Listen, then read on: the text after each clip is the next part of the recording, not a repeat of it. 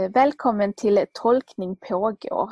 Det, det vi ska prata om idag är tredje söndagen i advent. Eh, temat för den söndagen är Bana väg för Herren och eh, det är den 13 december som, som tredje söndagen i advent infaller på. Det är ju också Lucia-dagen. Och jag sitter med Lisa Svensson över Zoom. Därför så är det kanske en en lite annan ljudkvalitet än vad ni lyssnare är vana vid. Jag heter Jessica G Nordqvist, är präst i Helsingborg och Lisa Svensson hon är studentpräst och präst i Lunds domkyrka. Precis. Hej! Hej! Okej, får jag be dig att eh, läsa texten? Mm. Evangelietexten är hämtad ur Matteus evangeliets elfte kapitel, vers 2 11. Johannes fick i sitt fängelse höra om Kristi gärningar. Och han skickade några av sina lärjungar för att fråga honom, är du den som ska komma? Eller ska vi vänta på någon annan? Jesus svarade dem, gå och berätta för Johannes vad ni hör och ser, att blinda ser och lama går, spetälska blir rena och döva hör, döda står upp och fattiga får ett glädjebud. Salig är den som inte kommer på fall för min skull. När de hade gått började Jesus tala till folket om Johannes. Vad gick ni ut i öknen för att se? Ett strå som vajar för vinden? Nej. Vad gick ni då ut för att se? En man i fina kläder? Men de som bär fina kläder finns i kungapalatsen. Vad gick ni då ut för att se? En profet? Ja, och jag säger er, en som är mer än profet, det är om honom det står skrivet. Se, jag sänder min budbärare före dig. Han ska bereda vägen för dig. Sannerligen, ingen av kvinna född har trätt fram som är större än Johannes döparen. Men den minste i himmelriket är större än han. Mm. Tack. Den minste i himmelriket är större än han. Mm. Vad betyder då det? Vad betyder det Lisa? Jag är så glad att du frågar Jessica, för jag har ju alla svar. Nej, jag skojar bara. Nej, men jag tycker den är, är jättemärklig. Alltså det han säger är ju, ingen av kvinna född är, det finns ingen som är större än Johannes döparen som är av kvinna född. Det måste betyda som lever på den här jorden. Mm. På något sätt. Som är bland de levande. Men den minsta i himmelriket är större än han. Alltså är det, talar han om de döda då? Mm, så tänker jag. Och varför är det viktigt att säga? Varför blandar han in de döda? Mm. Eh, här. Det är ju ofta så att Jesus talar om att eh, eh, den största ska bli minst och den minsta ska bli störst. Är det någonting som, är det det det handlar om här? Ja, han pratar väl om att vända om eh, ordningar, alltså att eh, vad gick nu ut i öknen för att se? Ett vajande grässtrå eller en, en kung när de finns i palatsen. Alltså att vi inte, han vill ju twist our minds lite grann. Mm. Alltså det är inte som ni förväntar er. Och det tycker jag ofta kanske är, alltså nu när jag tänker på det så tänker jag det är ofta min erfarenhet av Gud. Att Gud kan vara såklart massa olika saker. Men det som, där jag faktiskt kan boxa in Gud, säga så här är det, det är att Gud aldrig är som jag förväntar mig. Mm. Alltså Gud always twists my mind. Ja.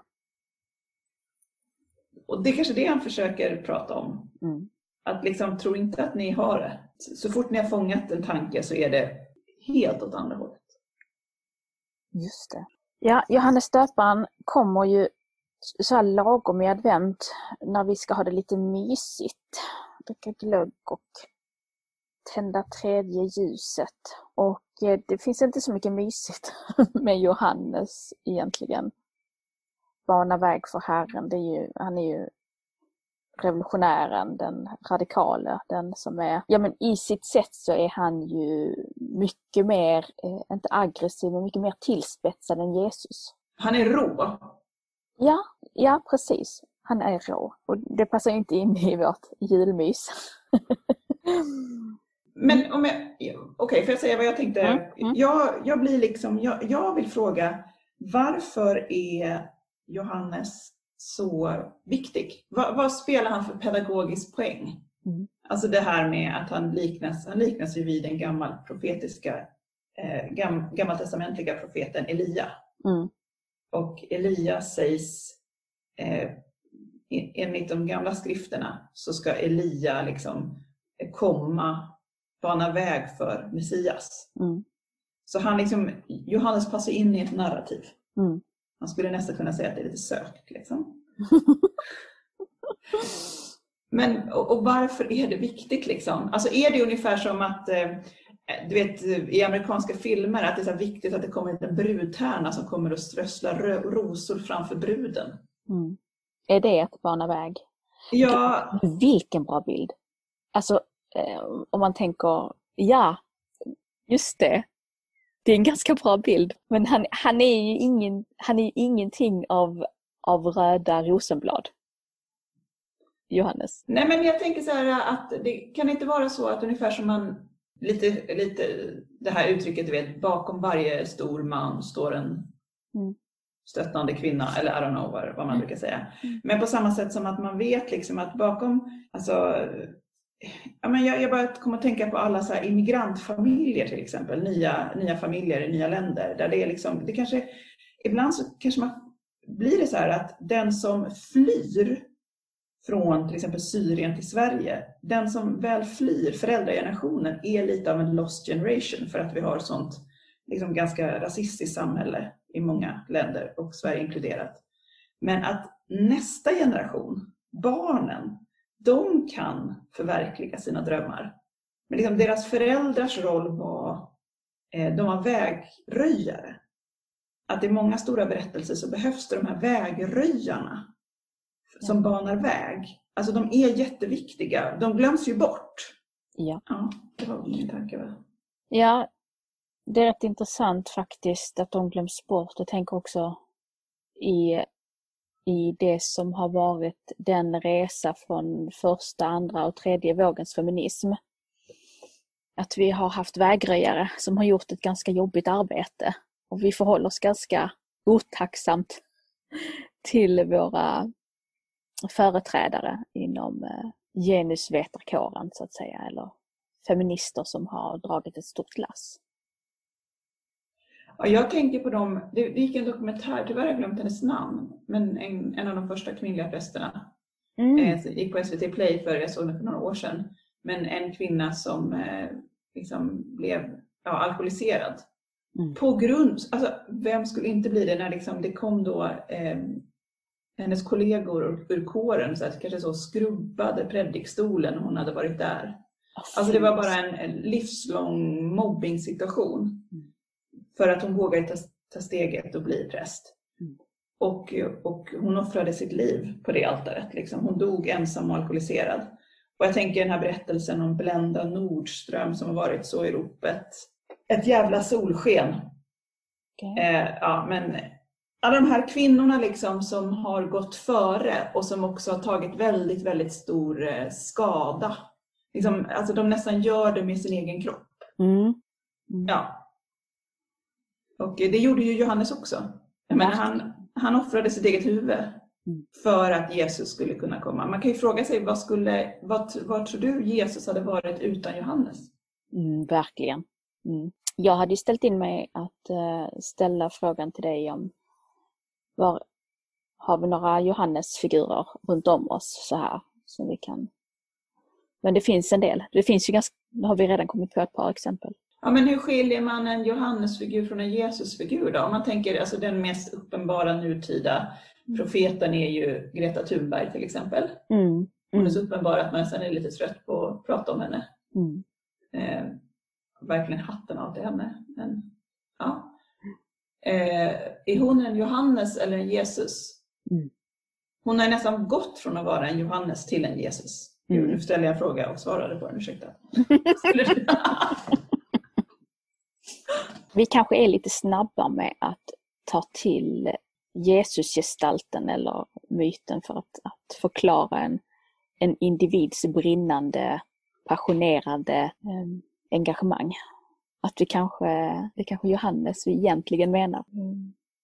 Mm. Men eh, en sak som jag har tänkt på mycket när vi liksom ska predika om, om Johannes är ju att som du sa, liksom, att det blir en väldigt politisk Alltså det är inte så mycket adventsmys utan det blir en ganska, kan bli en ganska politisk predikan. Mm. Så som han gjorde. Han var rå och han liksom pekade direkt på orättvisor. Men jag vet liksom inte hur man ska... Det är jättesvårt att hålla en politisk predikan. Mm. Alltså, vad ska jag... Ja, den måste ju någonstans bli liksom existentiell. Den måste blanda in mig.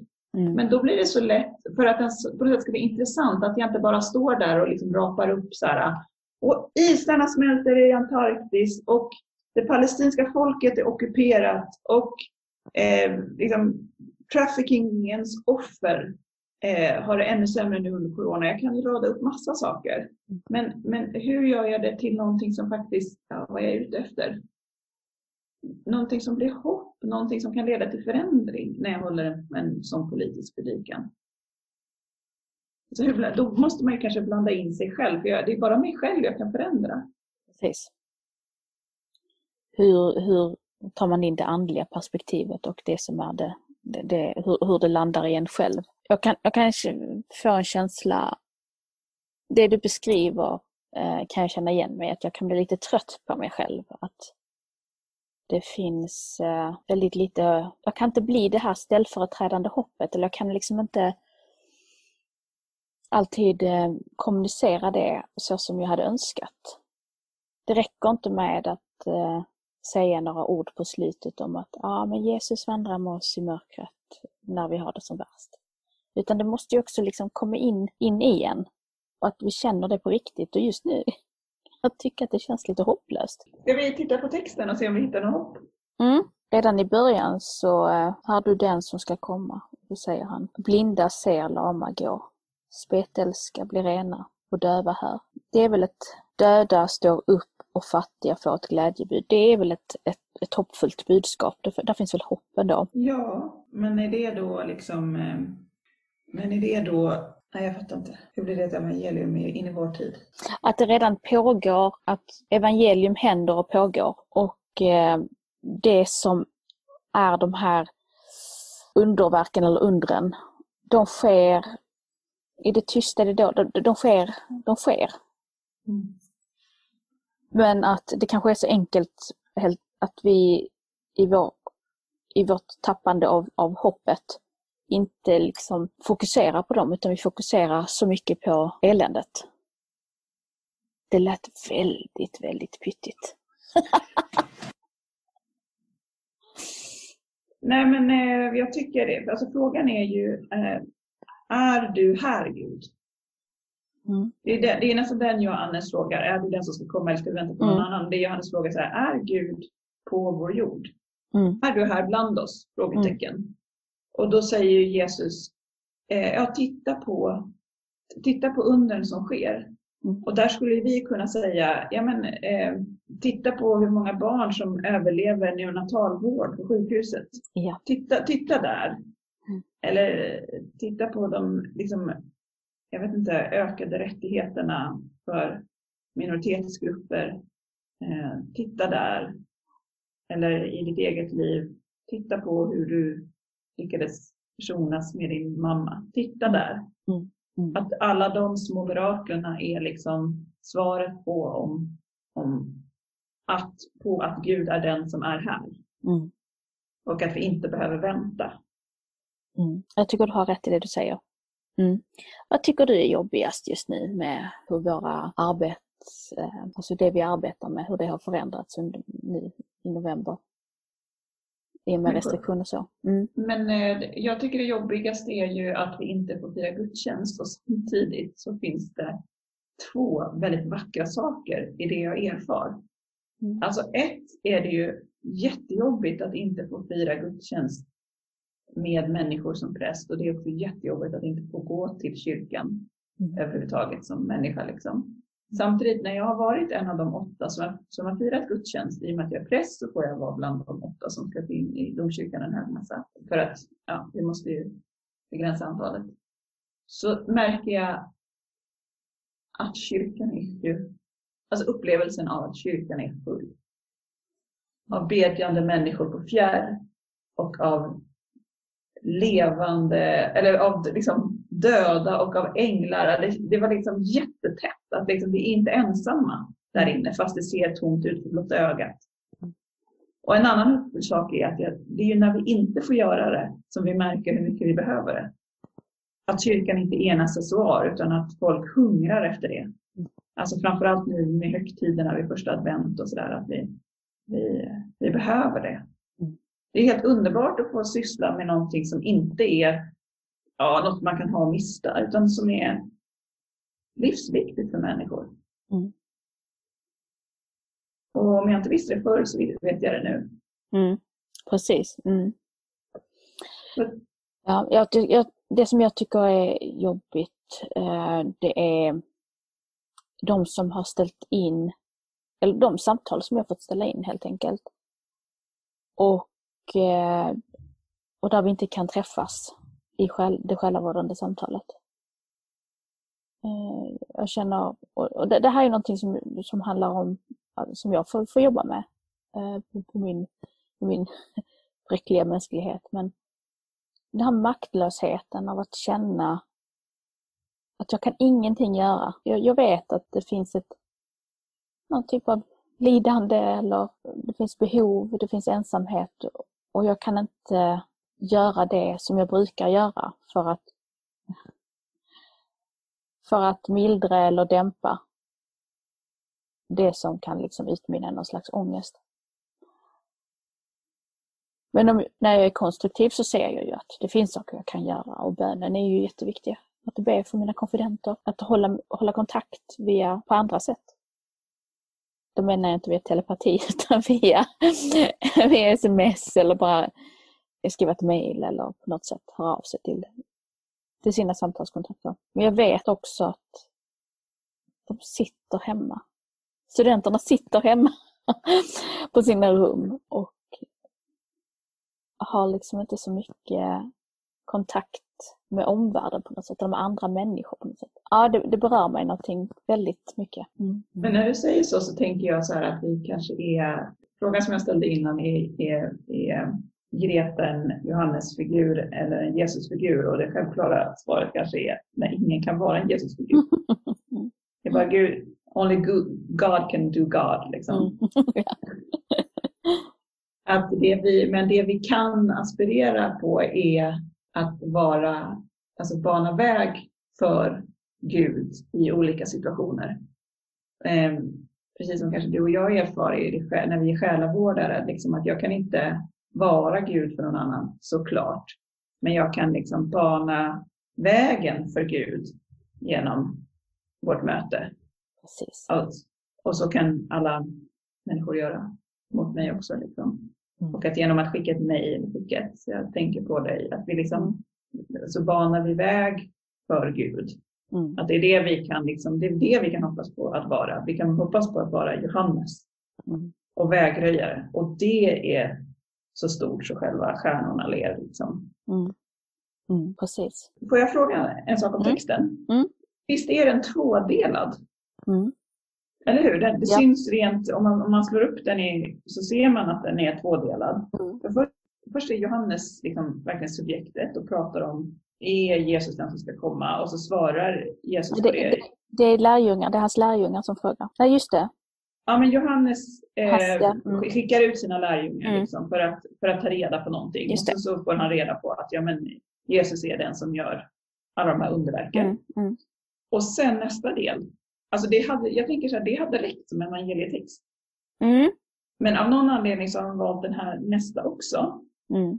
Som, den verkar lite aparta tycker jag. Mm. Eh, eller ja, disparata. Det, de ändrar ju helt och hållet scen. När mm. de hade gått började Jesus tala till folket om Johannes. Mm. Vad gick nu ut i öknen för att se? Eh, det är en helt annan text tycker jag. Mm. Eh, för då pratar först berättas det om Jesus för Johannes och sen berättas det om Johannes för Jesus lärjungar. Mm, just det. Så det är liksom de här två männen som, som berättar om varandra. Mm. Varför är det så tror du? Uh, ja, varför är det så? Jag, återigen det här med att legitimera. att Jesus här legitimerar Johannes som en person som är viktig för frälsningshistorien. Eller berättelsen om hur Jesus kommer fram. Och att Johannes har en viktig roll. Han är mer än en profet. Mm. För grejen är ju att Johannes han, han, han pratar ju om att Messias, att dagen är snart nära om att Messias ska komma. Det är det han gör liksom när han står och predikar för mm. folk i, innan han blir fängslad. Mm. Och sen är det först i fängelset, i alla fall enligt Matteus evangeliet, som han får liksom reda på att den han har predikat om mm. eh, har, har nu kommit. Mm. Det visste han inte förrän han liksom sitter i fängelse. Mm. mm. Ja, hade den första delen av texten räckt, räckt för, eh, för oss i tredje advent? Ja, ja, det, är två, det är olika predikningar. Jag tycker det skulle vara en utmaning att få ihop hela den här. Mm. Men, men det är väl också det här liksom, eh, eller så, så, skulle man kunna tala om de här hur de behöver varandra. Um, Ja, men en, en helt annan liknelse. Jag satt och pratade igår om en sån bok från 30-talet som hette så här, Husmodens ABC. Hur man skulle bete sig som en husmor på 30-talet.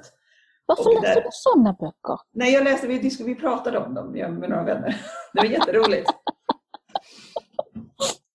Eh, men det här liksom att vi, när vi pratar om kvinnor förr i tiden så säger vi bara ah, men hon var bara en hemmafru. Men om man tittar på den här husmorens ABC så ser man ju liksom att det var otroligt viktigt för alltså han som skulle ut och tjäna pengar att ha den här, alltså det, det, det, var verkligen jätteviktigt att ha någon som hade det här hemmet som man kunde bjuda hem sin chef och sin chefsfru till och så kunde man bonda. Alltså det var verkligen ett ABC, liksom allt rätt man skulle göra med olika visitkort och inte. Liksom.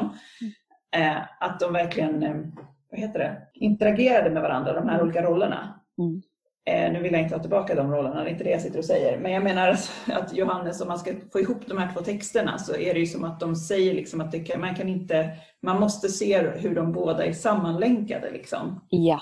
Eh, precis som det inte bara var ja, men att mannen och kvinnan på 30-talet var liksom otroligt viktiga så i byggandet av hemmet. Nej, det var en dålig liknelse. Nej, men alltså i ett parallellt universum, du sa det innan, hade, hur hade Jesus varit om man inte hade haft Johannes? Hur hade berättelsen varit om Johannes bild, personen inte fanns med? Eh, det behövdes den här tokstollen ute i öknen som, som skrek och, och, och, eh, och predikade eh, på sitt, så som han, så som han beskrivs eh, lite fritt. De, den, den karaktären behövs för berättelsen, precis som det finns i Gamla Testamentet. Det byggs upp, eller det finns en, ja, det byggs upp till någonting viktigt i berättelsen. Ja, det, är, det är som om Johannes döparen håller upp eh, liksom, tennisbollen så Jesus bara kan smasha sen. Ja, ja precis. men, men också när jag måste dra den här liknelsen för, att jag älskar den från Sagan om ringen. Mm. Jag, jag, har inte läst böckerna utan bara filmerna. Eh, men då eh, de är ute på ett äventyr och så finns det en trollkarl som heter Gandalf och så finns det lilla Frodo som ska bära en, en farlig ring. Mm. Och sen så liksom midway någonstans så upptäcker Frodo att det är någon som följer efter dem. Eh, och så säger Gandalf så här, ja det är varelsen Gollum mm. som har följt efter oss ett ganska bra tag nu. Mm. Och så frågar Frodo, varför då? Och så säger Gandalf då, som är jättevis och vet nästan allting, han säger så här, Eh, och jag vet ännu inte varför, men jag vet att han har en viktig roll att spela.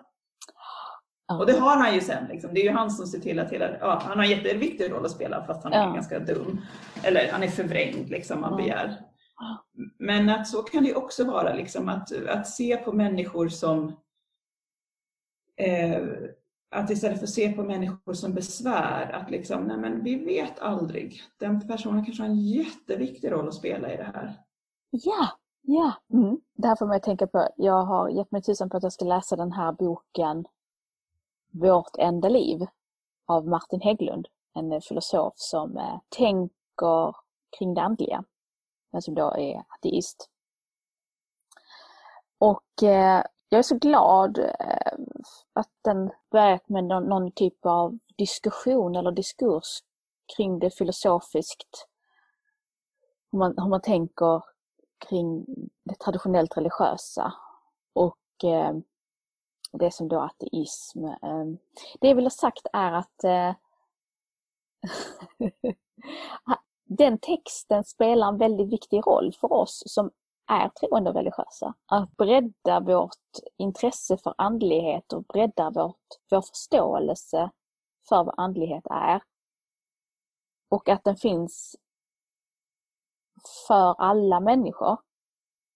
Och inte paketerad i en box som eh, är, har eh, etiketten kyrka eller etiketten Gud.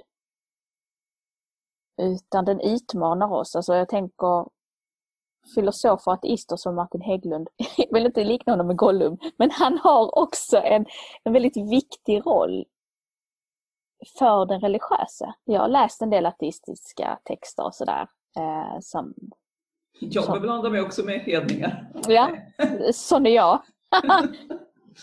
jag vill ju... men det här, det här tycker jag är, är bra det är inte så att jag håller med om, han, det blir väldigt urholkat om man inte finns ett religiöst språk. Vi tappar väldigt mycket och sådär. Men jag tycker att han hjälper oss lite på traven. Att börja prata på riktigt igen. Om, de, om det existentiella. Nej, Gollum. ja, en Gollum-karaktär eller Johannes Döpare. Nej, men det är väl jätte, det är väl det som är, det är stort, alltså precis som Jesus kunde se den här galningen i öknen med eh, liksom, som gick halvnaken och åt gräs typ. Mm. Som en jätteviktig karaktär så ska väl också vi kunna se människor som utmanar oss och eh, trycker på våra ömma punkter och sådär. Mm. Vi ska väl kunna se dem som viktiga istället. Även de kanske behövs liksom. Mm. Eh, och inte avfärda dem som idioter eller annat. Mm. Bra. Eh, tack för att ni har lyssnat på Tolkning pågår. Vi hörs snart igen. Hej då! Hej då! Du har lyssnat på Tolkning pågår, en teologipodd i samtalsform. För dig som vill fundera över livet och tron och för dig som vill få inspiration i predikoförberedelsen. Tack för att du har lyssnat. Och tack till alla er som gillar och delar våra avsnitt på Facebook och som på andra sätt berättar om den här podden för andra. Om du vill lyssna på fler avsnitt så finns vi där poddar finns och på vår hemsida som du hittar om du googlar Tolkning pågår. Och om du har tankar om podden så hör gärna av dig till oss på vår Facebook-sida. På återhörande.